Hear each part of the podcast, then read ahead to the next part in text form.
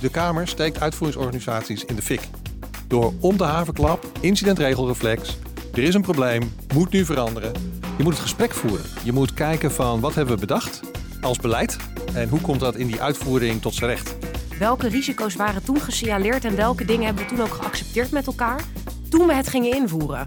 Je krijgt misschien wel knelpunten in beeld en signalen in beeld die daarbij aansluiten, want hè, verdorie, die risico's voltrekken zich. Nou, dan vind ik dat een hele goede reden om een invoeringstoets te doen.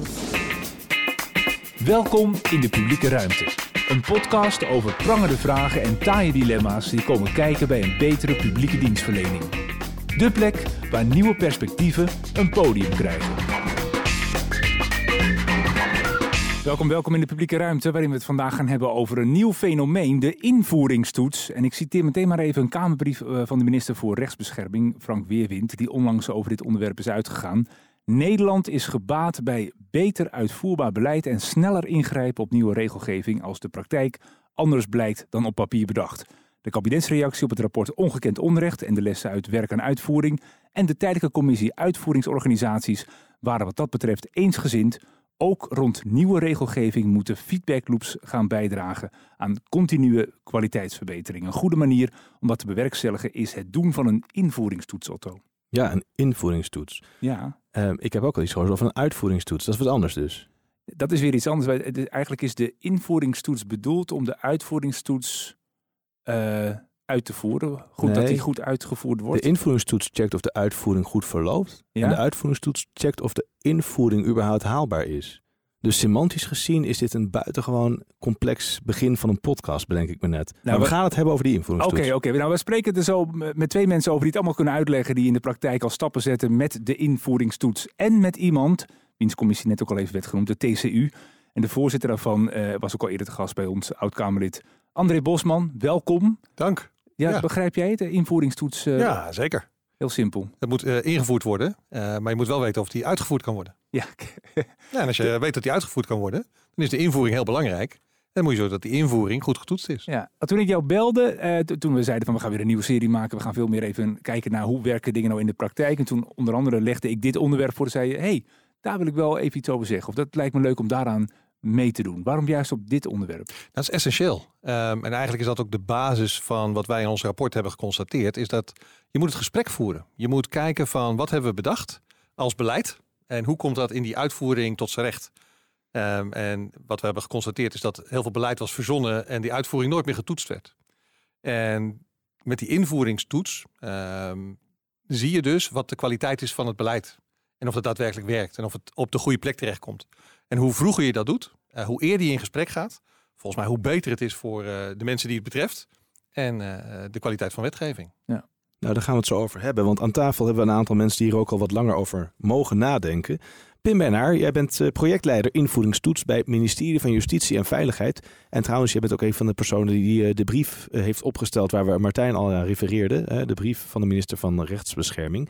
Op wat voor manier houd jij je nou bezig met de invoeringstoets? Nou, met de invoering van de invoeringstoets ben ik bezig. Ah. Met nog weer een, Heerlijk dit. Om de invoeringstoets nog even wat makkelijk te duiden. Ik noem het ook wel de puddingtoets. Het gaat over die proof of the pudding die in de eating is. Eh, het gaat over de eerste proeven van, van een gebakje wat je krijgt. Ehm, ervaren hoe dat dan is, of het dan lekker is, volgens het recept is bereid, et cetera. Dus het gaat over die, ehm, ja, die, een, een- snelle check, eh, een vroege check, kort na invoering van nieuw beleid. Ehm, en wat ik doe in, het, eh, in mijn werk, ik ben nu een half jaar projectleider en ik probeer die invoeringstoets dus rijksbreed in te voeren. En we zijn nu nog echt in die vormende fase van wat is het nou eigenlijk precies? Waarom doen we dan een invoeringstoets? Waar draagt het dan aan bij? En later ook nog de hoe en de wie vraag, eh, die gaan, eh, gaan aan de orde komen. En dat doen we met een zogenoemde lerende aanpak. Dus we gaan gewoon ervaring opdoen met de invoeringstoets zoals we die nu hebben beschreven. Ja. Ehm, en we gaan kijken hoe we dat eh, dan op een ja, vooral heel nuttige manier kunnen, kunnen doen. Die echt bijdraagt aan de doelstellingen van namelijk aan de ene kant de uitvoering. Ja. emanciperen en beter in staat stellen om hun knelpunten terug te leggen. En aan de tweede kant, de andere kant, de doelgroep. Dus de burgerbedrijven, mensen die bij bedrijven werken. En die te maken krijgen met regelgeving. Ja. In staat stellen om hun eh, knelpunten terug te geven. Is het ook een beetje jouw taakomschrijving, eh, Rosalinde van Put? Eh, jij bent ook projectleider van de invoeringstoets, maar dan bij de Belastingdienst. Eh, is dat eh, goed omschreven? Is het ongeveer hetzelfde wat jij ook doet? Nou, het sluit aan bij wat Pim zojuist heeft beschreven, zeker waar. Maar dag tot dag moet ik mijn projectleiderstaak wel anders invullen. Dat heeft veel meer een praktische invalshoek, denk ik. Ehm, ik moet ook wel veel meer nadenken. Hoe past dat binnen, binnen onze grote organisatie en de andere goede dingen die we doen? Ehm, ik, ja, ik, ik, moet, ik moet echt die verbinding gaan zoeken. Uh, dus dat heeft wel een andere invalshoek. Um, maar ik moet ook wel zeggen dat ik heel erg blij was met de Kamerbrief. Die dus ook uh, onlangs is gepubliceerd. Want dat, ja, de titel zegt het al, inkleuring. Maar ik kleur en teken dus een stuk verder uh, binnen mijn uitvoeringsorganisatie. Um, het gaat er bij ons bijvoorbeeld ook heel erg om hoe ik aan kan sluiten op de feedback loops en de signaalprocessen. Dus dat, uh, ja, dat doe ik net op een andere manier. Maar ik herken het zeker. Wat zijn nou eigenlijk de belangrijkste uitgangspunten van die invoeringstoets? Wat de belangrijkste redenen om dat te gaan doen? De belangrijkste reden, denk ik, om een invoeringstoets te doen. Ja, ik wil dan toch wel weer even beginnen bij die uitvoeringstoets. Misschien kunnen we dan de logica van die verhouding wat, wat, wat inprenten. Bij de uitvoeringstoets ga je inderdaad de uitvoerbaarheid bekijken. Dan is het een voorstel en dan moet het, moet het nog ingevoerd worden. Ik vind het belangrijk om ook in een invoeringstoets dan uh, terug te gaan kijken, wat is daar nou besproken? Welke risico's waren toen gesignaleerd en welke dingen hebben we toen ook geaccepteerd met elkaar? Toen we het gingen invoeren. Daar komt de eerste term al, hè? dus de tombrekers. Um, en als we dan zien dat er dus best wel wat risico's waren die we in beeld moeten houden. Je krijgt misschien wel knelpunten in beeld en signalen in beeld die daarbij aansluiten. Want hè, verdorie, die risico's voltrekken zich. Nou, dan vind ik dat een hele goede reden om een invoeringstoets te doen. Maar ik denk dat de leercirkel nog veel groter wordt als we dus kunnen gaan kijken waar knelpunten en signalen naar boven komen over nieuwe wetgeving, waar je misschien van tevoren helemaal die risico's niet hebt gezien. Want voor mij is de invoeringstoets dus een manier om met elkaar te gaan leren hoe kunnen we dus de kwaliteit van beleid beter gaan maken, maar ook oog hebben voor als dingen dan toch niet zo goed zijn ingeschat. Hoe kunnen de knelpunten en de signalen van de doelgroep, wat kan een burger, kan een bedrijf zijn, dat we daar ook opvolging aan kunnen gaan geven. En volgens mij is een instrument als de invoeringstoets heel goed om daar duiding aan te geven en dat probleem uit te diepen. Ja, André, je, je stak je vinger al op. Ja, nee, want die uitvoeringstoets, er zit altijd een, een ja mits of nee tenzij. En 9 van de 10 keer, of 9 van de 100 keer, is het een ja mits. Alleen die mits, die verdwijnt. En dan zijn er dus wel risico's. Um, van als je iets invoert, heb je een goede ICT nodig, goede mensen nodig, uh, bepaald budget nodig. Als die mits niet door de politiek wordt ingevuld, heb je wel een ja, maar mis je dus de randvoorwaarden om het goed te doen. Maar dat is ook de les 1 voor de uitvoeringsorganisatie. Niet meer ja, mis, maar gewoon nee tenzij nou, zeggen. dat, dat vraag ik me af. Hè. Uh, hij staat er namelijk. Hij is uitvoerbaar mits we hier oog voor houden. Bijvoorbeeld, uh, stel dat we zeggen iets is uitvoerbaar um, mits dit, dit, de, deze IV-ondersteuning, sorry, IV, informatievoorziening, uh, ook echt ingebouwd kan worden. Dus dat die ICT-capaciteit wordt vrijgespeeld. Als achteraf blijkt dat we die informatievoorziening, die ondersteuning voor de doelgroep niet hebben kunnen maken, dan heeft dus de doelgroep daar ook last van. Dus ik vind dat inderdaad de voorwaardelijkheid, risico's, dat zijn allemaal belangrijke factoren om in de gaten te blijven. Maar dan komt hij bij de invoeringstoets gelijk terug. Ja, en hoe eerder je dus die invoeringstoets doet en zegt, luister, we hebben ja mits gezegd. Dit zijn die voorwaarden. We gaan nu even kijken bij die invoering. Als ik toch even het lijstje langstroopt. Ik mis een aantal mitsen die de Kamer niet heeft ingevuld of de politiek niet, niet heeft ingevuld. Moet je onmiddellijk aan die bel trekken. En dat is het moment om vroegtijdig te zeggen, joh, die mitsen zijn niet ingevuld en ik kom in de problemen. Maar dat, dat lijkt me heel zinvol. Maar als ik dan kijk naar de brief van eh, minister Weerwind, en dan lees ik hè, dat de invoeringstoets is een lichtvoetige bestudering. Hè, en het is een, een exturante evaluatie. Dat is een vorm van hè, evalueren die we ook toepassen bij beleidsmonitoring. Dan, dan, denk ik, nou, die invoeringstoets, dat is een soort honkbalknuppel en dan gaan we. En dan lees ik eigenlijk daarna een, een hele beleefde, lichtvoetige manier van, nou ja, het is bijna een veer waarmee we iemand gaan kriebelen onder zijn teen. Pim, uh, hoe zit dat nou? Hoe hard is die toets nou? Nou, lichtvoetig hebben we gekozen omdat het, um, het woord oppervlakkig of andere synoniemen, die zijn, die zijn negatief gekleurd vaak. Die zijn uh, vervelend, helemaal niet leuk. En lichtvoetig klinkt als een, een, kind wat door het zand loopt en een lichte voetafdruk achterlaat. Uh, het gaat over een, een, een, kort, kort na invoering een check op, op wetgeving. Terwijl wetgeving vaak echt wel even nodig heeft om, om in te klinken in de samenleving. Om effect, uh, zichtbaar effect te krijgen. Maar je gaat toch al kijken, want die lichte afdruk is misschien al wel zichtbaar. Okay. Uh, dus het gaat over een, een, soort. We willen positief praten over het instrument. En dan kies je zo'n woord. Wat misschien in de Vandalen niet wordt geassocieerd met een, een toets of zo. Iets wat je lichtvoetig. Dat het is luchtig en vrolijk, cabaretesk, zeg maar. Dat zou ook lichtvoetig kunnen zijn. Dat is het zeker niet. Het is iets heel serieus. Um, maar het is wel een, een positief instrument. En we hebben het er ook vaker over gehad. Hè. Ehm, we hebben met de hele werk- en uitvoering agenda een analysefase vooraf gehad. waarin we zagen dat uitvoeringsorganisaties niet altijd goed in staat zijn om hun signalen terug te leggen op de beleidstafel. Want de mensen aan de beleidstafel die zijn al lang weer wat anders gaan doen. Dus die tafel die is leeg. Ja. Um, hè, want zo gaat een wetgevingsproject, daar ben je een jaar of twee mee bezig. En dan gaat er na, dan is naar de Eerste Kamer is er een borrel, minister uit de speech en iedereen gaat weer wat anders doen. Ja. Um, maar voor de samenleving en voor de uitvoeringsorganisatie hetzelfde, dan begint het pas.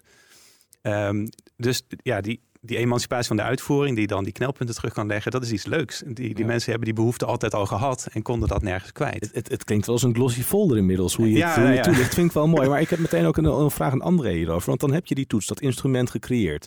Met deze positief-kritische focus die erin zit. Gaat dat niet leiden tot heimweepolitiek? Van politici die zeggen, zie je wel, ik heb altijd in de debatten al geroepen dat het niet zou kunnen, want zus zo en zo. En nu blijkt uit de invulligstoets dat ik gelijk heb gekregen. Krijg je niet een soort oneindige discussie over dingen die je eigenlijk een keer dus hebt afgetikt en waarvan dus dat beleidsdepartement al lang heeft gezegd, we zijn al verder, het is vastgesteld, de wereld is veranderd. Nee, maar de essentie is, als je goede wetgeving maakt, eh, alle keuzes op tafel hebt eh, liggen, hè, dat, dat wordt nu steeds duidelijker, van dit zijn de opties die beschikbaar waren. Maak uw keuzekamer. Dat je daarmee een grotere verantwoordelijkheid van de Kamer zelf hebt. Eh, en natuurlijk zul je altijd partijen hebben die altijd nee roepen of eh, ik was toch al tegen en eh, schande. Maar als daar vanuit de wetgevende kant serieuzer naar gekeken wordt, naar de opties en daarmee mede verantwoordelijk wordt, en dat is wat je ook zei, mede verantwoordelijk wordt voor die uitvoering, Ehm, dan is het veel moeilijker om terug te, terug te krabbelen en zeggen, ja, maar ik, ik vond het toch niet zo goed. Ah, oké. De, hoe beter je erover praat, hoe meer opties be- beschikbaar zijn en helderder de keuze gemaakt is, eh, dan komt vanzelf die invoeringstoets eh, alleen Ja. maar ter verbetering. Ja, jij zei net ook, André, van we gaan het gewoon zo snel mogelijk doen. Het is, eh, zo snel mogelijk die invoeringstoetsen was eigenlijk de ambitie van gewoon standaard een jaar naar invoering van een wet gewoon doen. En dan zie ik in die brief, die Kamerbrief dan die is gestuurd, er wordt toch een beetje teruggekrabbeld. Eh, er wordt dan eh, gezegd, eigenlijk is de essentie van, ja mooi dat we, het, dat we het gaan doen, maar de praktijk is toch wel wat weerbarstiger. Verwachtingenmanagement, hè? Ja, Ja. Hoe, hoe, eh, want er wordt, ik, ik citeer even, de, de dingen vragen wel om nuancering van die toezeggingen en die leiden tot de conclusie dat een scherpere afbakening nodig is. Kortom, eh, we moeten het er nog eens een keer over hebben. Of we nog wel na een jaar die invoeringstoets gaan doen. Kan ook twee jaar worden, misschien wel drie jaar. Nou ja, kijk, een, jaar na invoering is gewoon heel makkelijk gezegd. En dat zal gemiddeld genomen best eh, oké zijn. Ik denk dat een, makkelijk voorbeeld is een, een, ja, een, verplichting eh, of een, een wetgeving die ertoe moet leiden dat er meer leraren in vaste dienst komen. Dat blijkt uiteindelijk anderhalf jaar later uit de jaarverslagen van de scholen. Eh, dus dan kun je niet na een jaar iets toetsen. Dat heb je, dan heb je geen informatie. André, het is veel te vroeg na een jaar soms. Soms. Het is een beetje overpromise, underdeliver. Ehm en ik, ik, ik, de ambitie moet hoger. Ehm, en natuurlijk de toets. Maar de toets is niet alleen een, een functioneel moment. De toets is eigenlijk continu. Eh, je bent in gesprek. Ehm, want natuurlijk kan je anderhalf jaar wachten op het jaarverslag. Maar er zitten mensen aan te werken. Er zijn mensen actief aan het kijken wat gebeurt er. Rosalinde zit op dat puntje van, je wil zeggen, interrumpeer maar. Nou ja, het gaat er dus. Ja, ik, ik, ik, ik zie dit natuurlijk gebeuren. Hè. Eh, ik ben bezig met de fiscaliteit. En dat is misschien heel typisch om daarin te zoomen. Maar het is heel erg afhankelijk of je met een specifiek aangifte of aanslagproces werkt. Wanneer de burger of het bedrijf er echt mee in aanraking komt. Dus een wetgeving kan ingevoerd worden, staat in het wetboek. Dat is top. Maar het moment dat hij, dat hij of zij het terugkrijgt in de aanslag bijvoorbeeld, kan dus echt veel later zijn. En dan, denk, dan kan je pas nadenken, ga ik hier bezwaar tegen indienen en komen daar dan signalen uit voort. Dus ik denk dat Pim het goed heeft omschreven door te zeggen, eh, zo vroeg mogelijk. En ik vind ook dat we dan eh, het ambtelijk vakmanschap ook hoog neer mogen zetten. Omdat ik het idee heb dat mijn collega's in de uitvoering heel goed weten wanneer we kunnen verwachten dat er wel of niet iets terugkomt. eh, en de doelgroep het heeft kunnen merken. Maar ik hoor André ook zeggen van in plaats van één moment te kiezen na een jaar of anderhalf jaar, hou nou voortdurend die vinger aan de pols. En, en gaat die invoeringstoets dat ook doen of hou je toch één moment vast?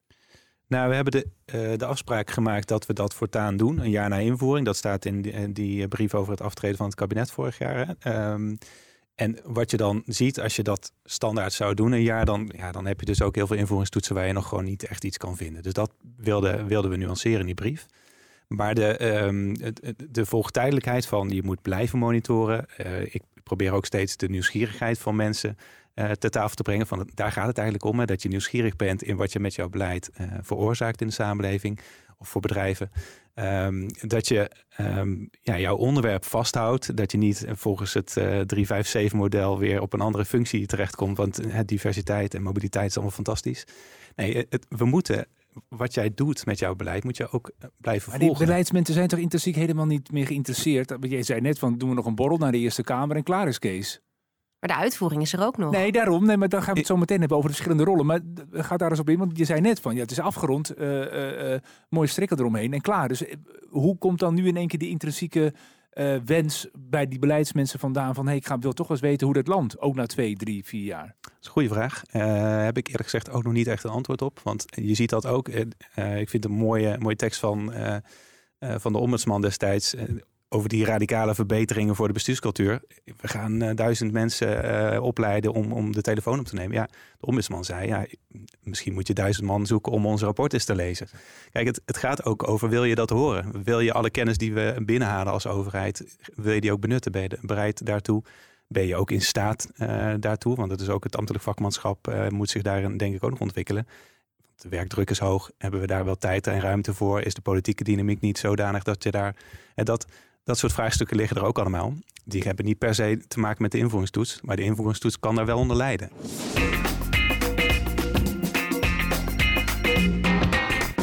Ja, we hadden het net al even over die verschillende rollen. We, hebben hier iemand vanuit de uitvoering aan tafel, iemand van beleid, uh, oud-Kamerlid. Uh, ik kan me voorstellen dat de bij de uitvoering wordt gedacht, yes, nu gaan we eindelijk een keer na een jaar uh, eens even goed toetsen. Hè. Hier zitten wij op te wachten. Terwijl beleid misschien alweer wat stapjes verder is en daar wat minder op zit te wachten. Is dat zo? Of zijn die, zijn, is dat een goede interpretatie van die rollen? Of uh, denkt, kan het ook andersom?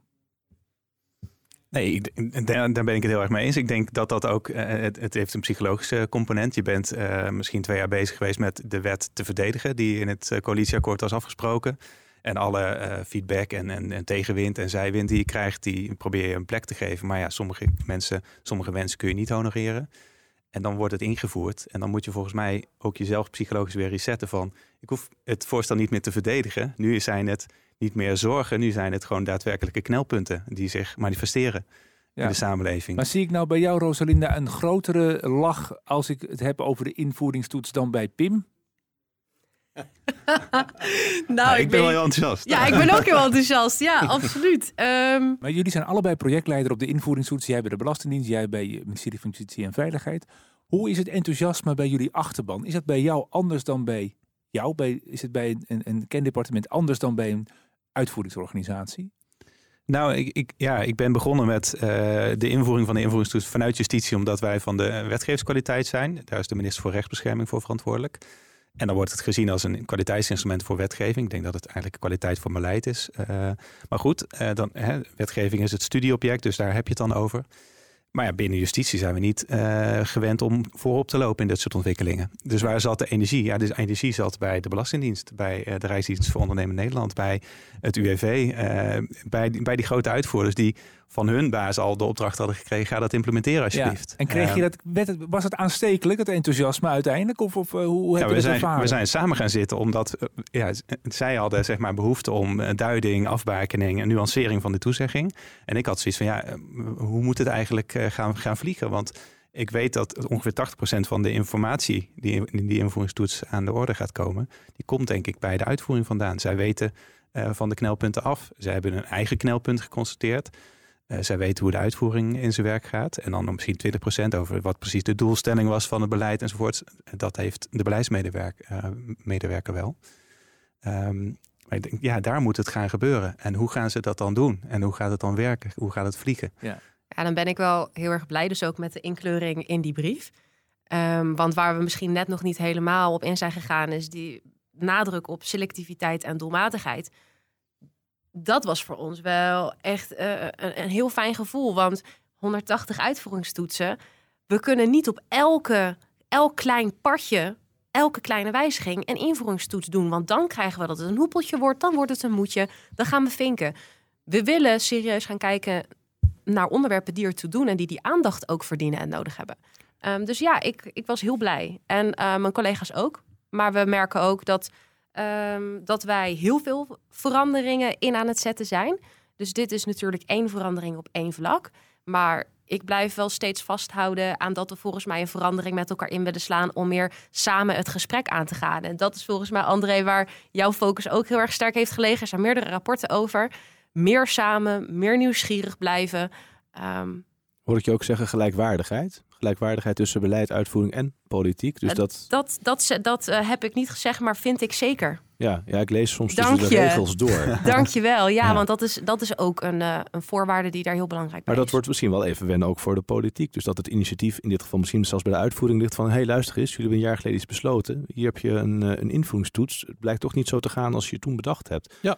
Ehm, hoe, maar hoe schat je dat in dat daarop gereageerd wordt? Maar sowieso, ehm, want je had net over de aantallen uitvoeringstoetsen en invoeringstoetsen. Misschien moeten we als we, de politiek is wat minder beleid maken. Ja. Ehm, ik had eh, een keer een gesprek met de Raad van State en toen was de opmerking van, moeten we de uitvoering niet eerder betrekken bij, het, eh, bij beleidsvorming en wetsvorming? Toen zei ik van ja, maar hoe kom jij tot nieuw beleid als je niet weet wat de uitvoering wil? Diepe stilte. Ja. Ja, het was even van, oh ja, wacht even. Nee, dus wij maken beleid zonder dat we weten wat de uitvoering wil. En die gaan we er dan bij betrekken. Dat is helemaal verkeerd. Ja. We moeten wat meer tot rust komen. Wat gebeurt er nou precies? Wat heb je nodig? Applaus van Rosalinde, hoe zie je? Ja, maar, dit, maar wij- wij steken uitvoerings... eh, We, de Kamer, steekt uitvoeringsorganisaties in de fik. Door om de havenklap, incidentregelreflex.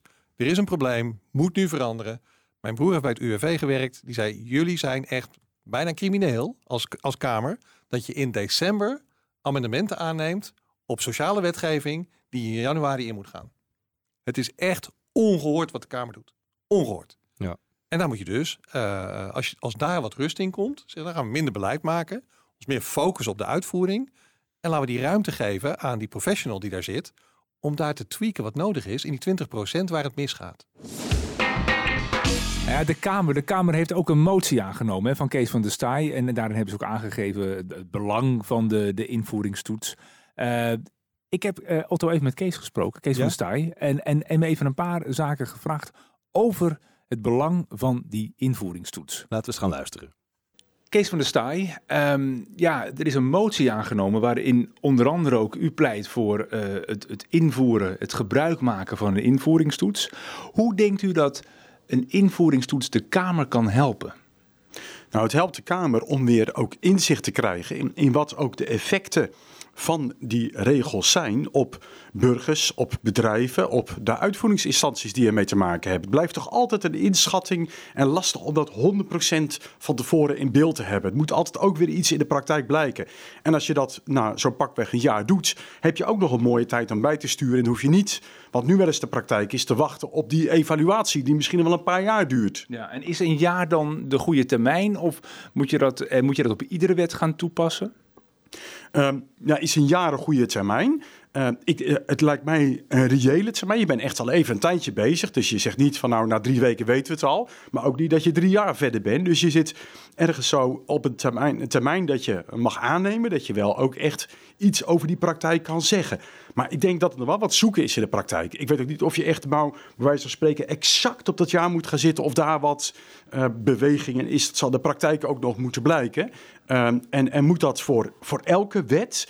Ehm, ik denk eh, voor elke wet die ook echt serieuze gevolgen heeft voor burgers, voor bedrijven, voor uitvoeringsinstanties, zou het wel goed zijn om dat te doen. Je hebt natuurlijk ook hier, ik noem maar iets, reparatiewetjes, ehm, die eigenlijk al volgen op ehm, wat er in de praktijk gebleken is. Of wetten die meer een, een, een institutioneel karakter hebben. De instelling van een sportraad bijvoorbeeld, waarvan je zegt, die is er eigenlijk allemaal, die geven nog even weer nu de precieze kaders nog weer mee. Daar, daar volgt het bijna meer op de praktijk. Daar is de wet bijna meer codificerend dan modificerend.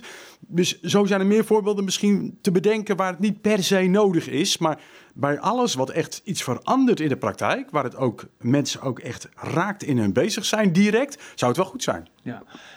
De minister, eh, minister Weerwind, heeft ook een brief gestuurd waarin hij zegt van ja, we moeten de signalen die leiden tot een invoeringstoets ook goed wegen. En daar wordt ook een beetje gewaakt van we moeten de signalen vanuit de Kamer ook ja, niet zo wegen dat politiek voorrang krijgt. De politieke signalen. Hoe kijkt u daar tegenaan? Ja, ik vond die frase niet heel erg duidelijk. Want om mijn beeld is meer: het gaat om een, een, geheel van effecten, politiek, bestuurlijk. Um, en um, eigenlijk mag je ook van de politiek verwachten dat hij niet alleen kijkt naar wat het voor bijvoorbeeld bedrijven betekent, maar ook voor de uitvoeringsinstanties, maar ook voor burgers. Dus ik zou het mooiste vinden als we eigenlijk niet te veel uh, weer verfijningen daarin maken en zeggen we willen met elkaar, uh, en misschien ieder ook vanuit zijn eigen verantwoordelijkheid en invalshoek, wel zoveel mogelijk dat uh, totaalplaatje ook zien. Ja, maar ziet u ook het risico dat een invoeringstoets mogelijk politiek gemaakt wordt? Dat politieke partijen zeggen, nou die gaan we nog een keer gebruiken om achteraf toch ons gelijk te halen? Ja, dan is het meer politiek met een kleine p. Dan sta je niet echt open voor wat er nou in de praktijk vanuit je algemene verantwoordelijkheid, ook als volksvertegenwoordigers, wat hier nu met regels gebeurt in de praktijk. Maar dan is het eigenlijk meer om je eigen stokpaardje te bereiden. Ja. Uh, dat, dat vind ik, maar dat vind ik dan eigenlijk meer een opdracht voor uh, de politiek, om je daarvan bewust te zijn, uh, om dat instrument daarvoor niet te gebruiken. Ja, en ziet u dat gebeuren, dat de politiek daar voldoende zelfreflectie op toepast? Nou, weet je, eh, politiek blijft altijd eh, wat een diversiteit aan volksvertegenwoordigers ervan maken. En iedereen heeft daar zijn eigen stijl en zijn eigen invalshoek uh, in. Dus um, uh, dat geldt ook bij een werkbezoek wat we afleggen. Of bij een, een ronde tafelgesprek. Daar kan je natuurlijk van zeggen, zie je wel, ik had gelijk. Of je kan echt openstaan voor signalen die daar naar voren komen. En daar je winst mee doen. En dat laatste, dat mag in ieder geval iedereen van de politiek verwachten.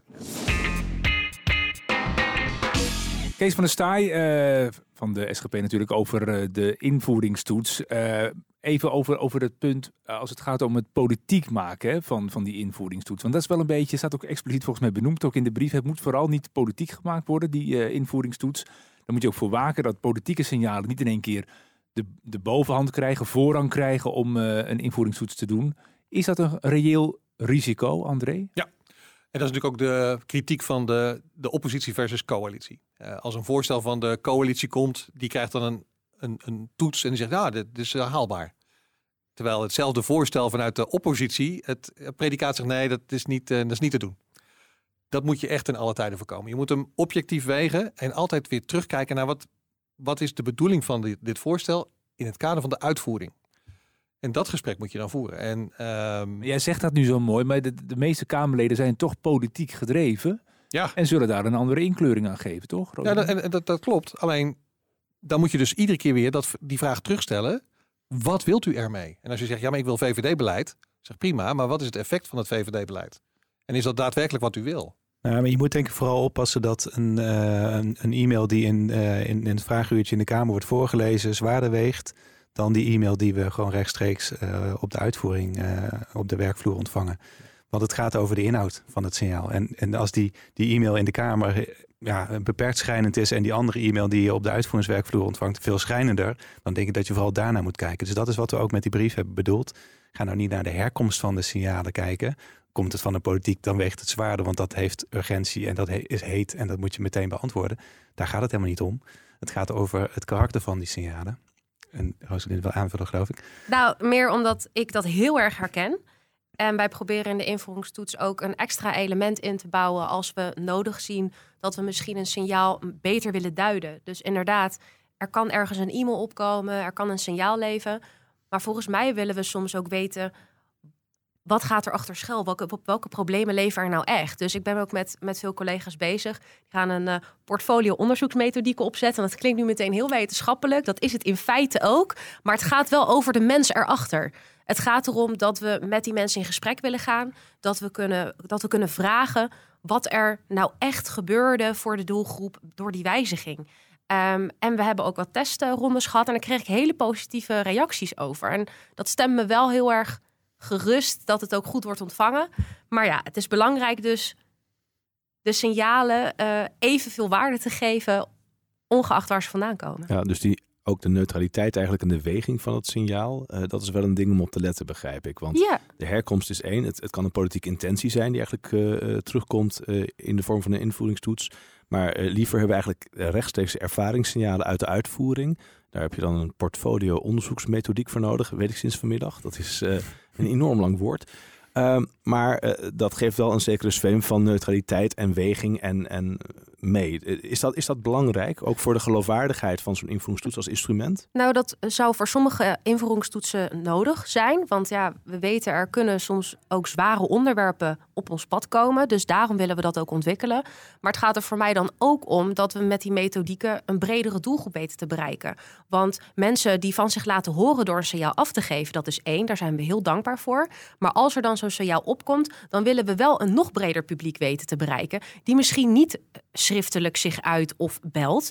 Uh, maar die wij dus op een actieve manier weten te benaderen. Dus dat is ook een onderdeel waar we met mijn collega's naar kijken. De mensen die minder snel naar ons toe zouden stappen, maar we wel inhoudelijk kunnen gaan spreken. Ja, dus het stelt ook eigenlijk andere eisen aan jou als uitvoeringsorganisatie om uh, na te denken over de manier hoe halen we signalen eigenlijk op, hoe zorgen we ervoor dat we gehoord en ook de ongehoorde uh, signalen uh, hierin kunnen meenemen. Ja, als we eenmaal een invoeringstoets op zo'n onderwerp doen, dat we inderdaad verder kunnen gaan. Ja, ik hoor beleid hier al denken, die denken we gaan nou niet zo peuren in die samenleving. Bij, als het komt, dan komt het wel piepsysteem, maar ga nou niet ook nog actief zoeken. Want we hebben net beleid afgerond het is wel even goed zo. Ja, wij willen dit, toch ja, wel. Juist ja. het, dat actief op zoek gaan, dat is wel echt de kern. Dat is de kern van de toezegging, de kern ook van de, de paragraaf waar het in stond in de, de brief over de toeslagenaffaire. Dat we inderdaad de mensen die minder zelfredzaam zijn uh, en, en zich niet kunnen laten horen of niet laten horen, omdat ze denken, ach ja, vertrouwen is, is toch al nul. Uh, dat je juist op zoek gaat, omdat er bijvoorbeeld in de voorbereiding al wel zorgen waren over bepaalde groepen dat je dat nog eens gaat kijken van ja, hebben mensen met een, een smalle beurs, mensen die een specifieke vorm van een uitkering hebben, een functiebeperking, hebben die nou iets aan dit beleid uh, gehad? Of uh, horen we ze niet omdat ja. het goed gaat, of horen we ja. ze niet omdat ze geen vertrouwen meer in ons nee, hebben? Nee, ik begrijp ook wel de goede intenties, hoor, maar ik heb dus een leidinggevende gehad die zei: waarom heb je dit nou tegen me gezegd? Nu moet ik hier wat mee. Ja, ja heerlijk. Um, maar het, het, het, het vraagt van de uitvoering, maar het vraagt ook iets van de politiek. En het mooie is, dit is bijna een voorstel. Joh, Kamer, als jij weer met een e-mailtje komt en je wil het voorlezen, het vragenuurtje, bel eerst even met de uitvoering. Want voor hetzelfde geld hebben zij al honderden, duizenden mailtjes gehad, zijn ze er al mee bezig. Dus um, dat zou een, meer een oproep zijn naar de politiek. Krijg je mailtjes, dan zal er absoluut een signaal zijn. Maar ik denk dat de uitvoering die signalen ook heeft. Dus voordat je gelijk naar de minister stapt, waardoor er de incidentregelreflex, paniek, tent in de fik, uh, iedereen weer rennen. Eerst even als Kamerlid even bellen met de uitvoering. Wat gebeurt er? Uh, en dan niet zo, wat gaat er mis? Maar wat kan ik voor je doen? En wat heb je nodig?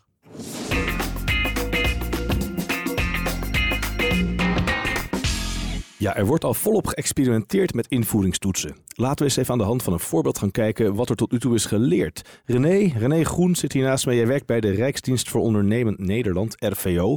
Waar hebben jullie een invoeringstoets op gehouden? Ja, goedemiddag. Um, we hebben een invoeringstoets gehouden op de investeringssubsidie uh, duurzame energie en energiebesparing. Um, de Rijksdienst voor Ondernemend Nederland voert regelingen uit voor verschillende ministeries. En wij zijn begonnen met uh, eigenlijk selectief gewoon eentje gekozen die we uh, vorig jaar gestart is. En dus zijn we het afgelopen jaar begonnen met experimenteren, leren, het ontwikkelen van de methode. En daar uh, kijken hoe dat binnen de context van RVO ingeregeld kan gaan worden. Ja, en, en wat voor signalen ben je dan mee gestart? Want ik heb net uit het gesprek begrepen dat het cruciaal is dat je de juiste signalen dan verwerkt in je invoeringstoets. Wat kom je dan zoal tegen? Had je een kader of ben je gewoon heel lukraak mensen gaan bellen? Hoe kom je tot die signalering? Nee, we zijn niet lukraak mensen gaan bellen. Nee, we hebben van tevoren bedacht hoe, hoe we dit gaan doen. En we wilden het vanuit, wij zijn uh, beleidsonderzoekers, dus wij zijn vanuit de kwalitatieve hoek gaan kijken welke signalen hebben we al. Dus we zijn eerst begonnen met een desk research.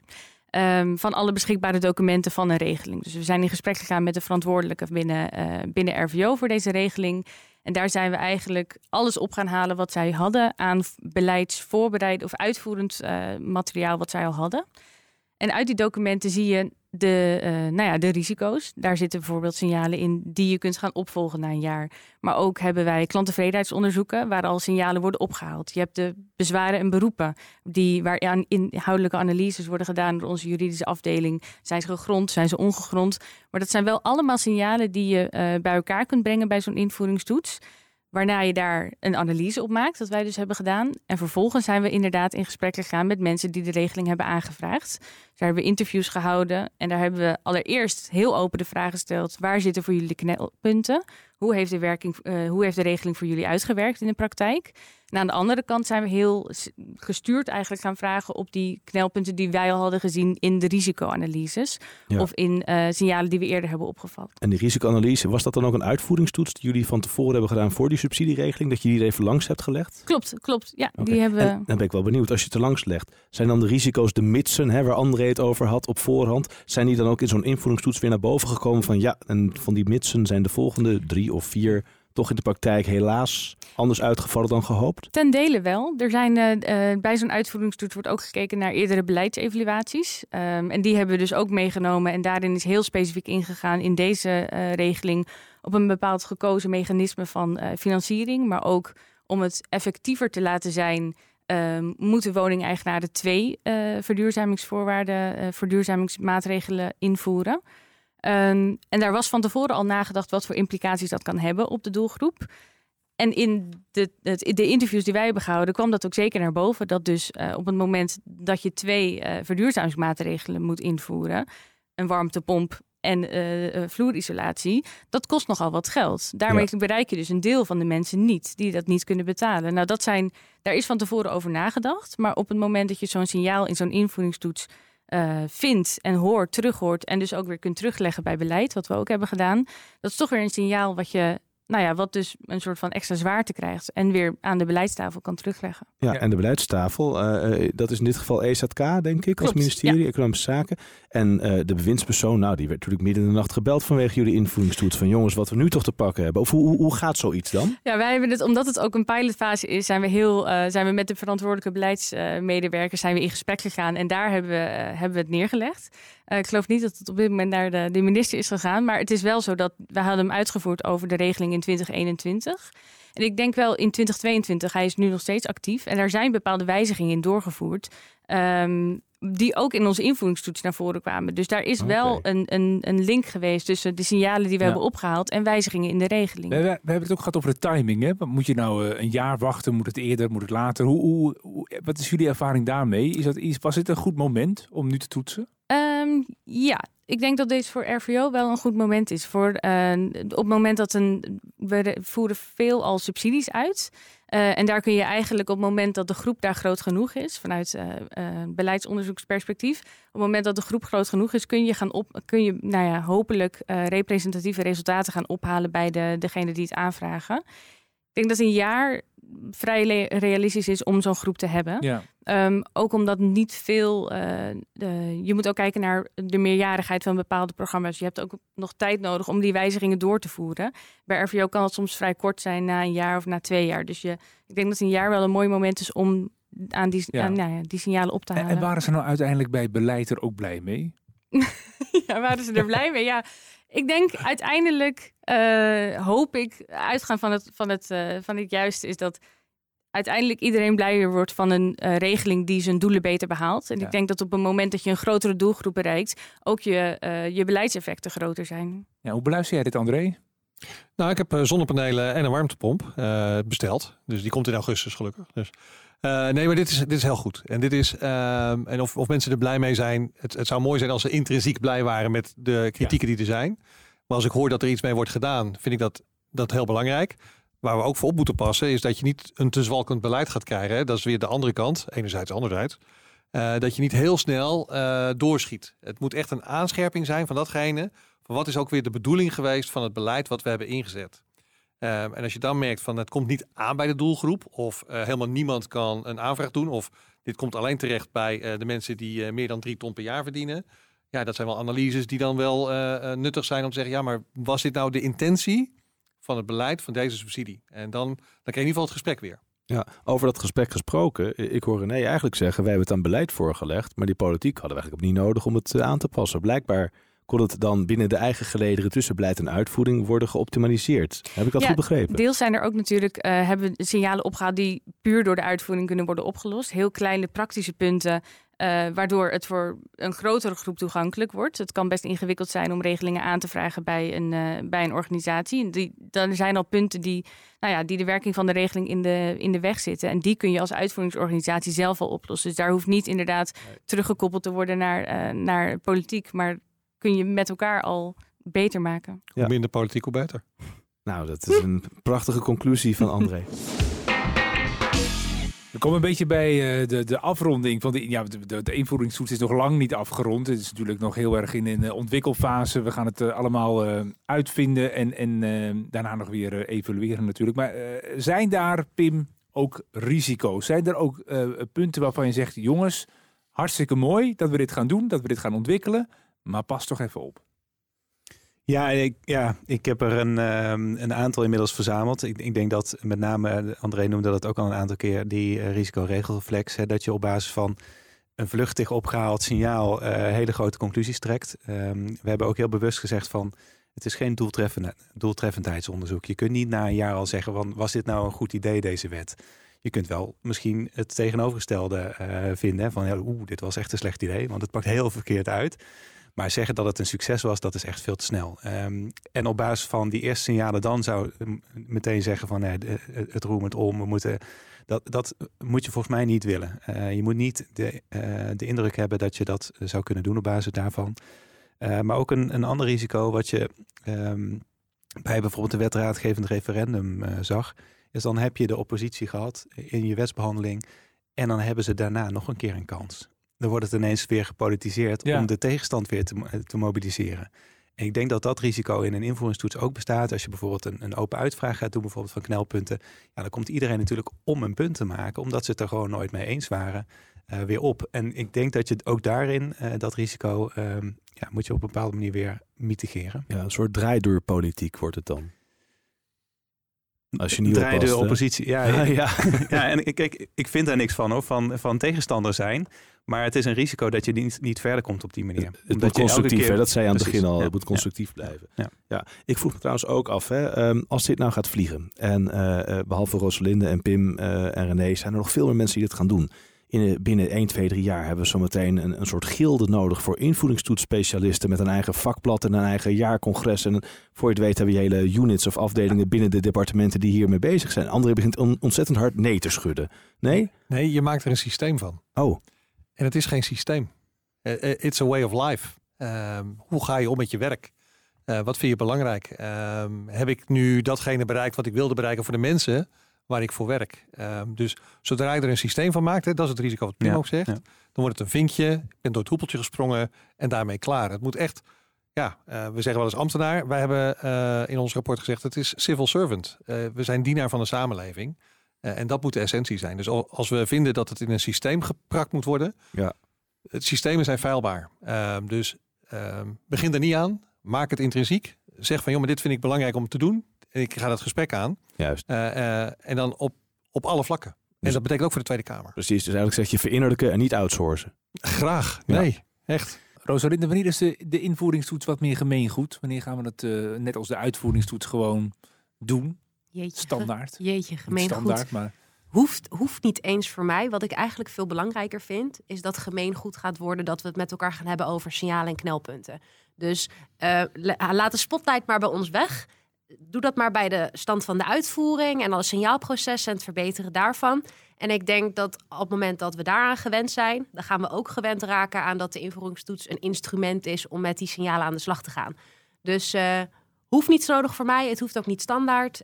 Um, zolang de ambtenaren weten dat ze het kunnen gebruiken, dan uh, laten we van ons horen en dan komt het vanzelf ook weer bij de politiek terecht. En hopelijk kunnen we dan gewoon uh, het gesprek voeren, het goede gesprek dan wel. Ja. ja. En, en misschien is meer bij iedereen wat meer het gevoel van voor wie doen, deden we het ook alweer. Ja, absoluut. Ja. ja. ik denk ook echt dat, de, dat we onze collega's uh, binnen de ambtenarij heel blij maken als we zeggen van over als het een succes is, dan is die invoeringstoets over een tijdje weer overbodig. Want dan heb je gewoon die leercultuur ontwikkeld. Dan is iedereen intrinsiek gemotiveerd om uh, de gevolgen van zijn werk te volgen.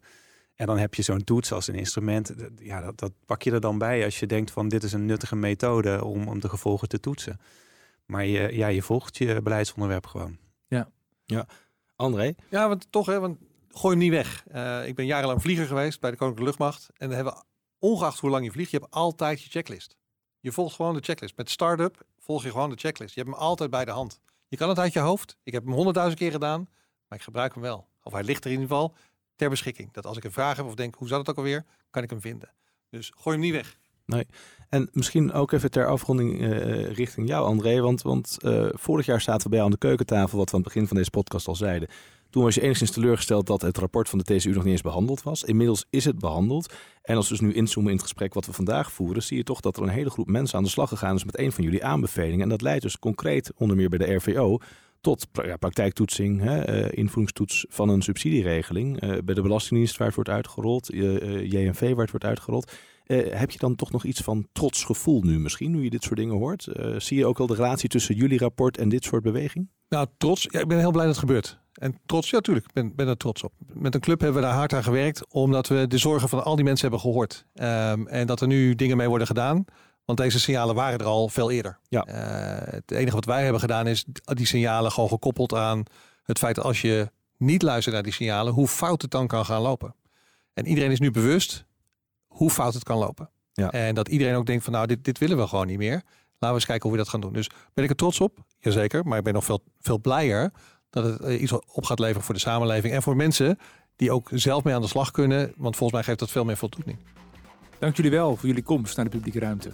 Dankjewel. Dit was de Publieke Ruimte, een podcast over publieke dienstverlening. Een initiatief van Werk aan Uitvoering. Naast mij zit Martijn Grimius, mijn naam is Otto Tors. Onze gasten waren André Bosman, Pim Bernard, Rosalinde van Put en René Groen. Vond je dit interessant? Deel de podcast dan met je collega's en geef een reactie in de comments. Abonneer je op ons kanaal, dan krijg je vanzelf de nieuwe aflevering in je favoriete speler aangeboden. Graag tot de volgende keer. Dag!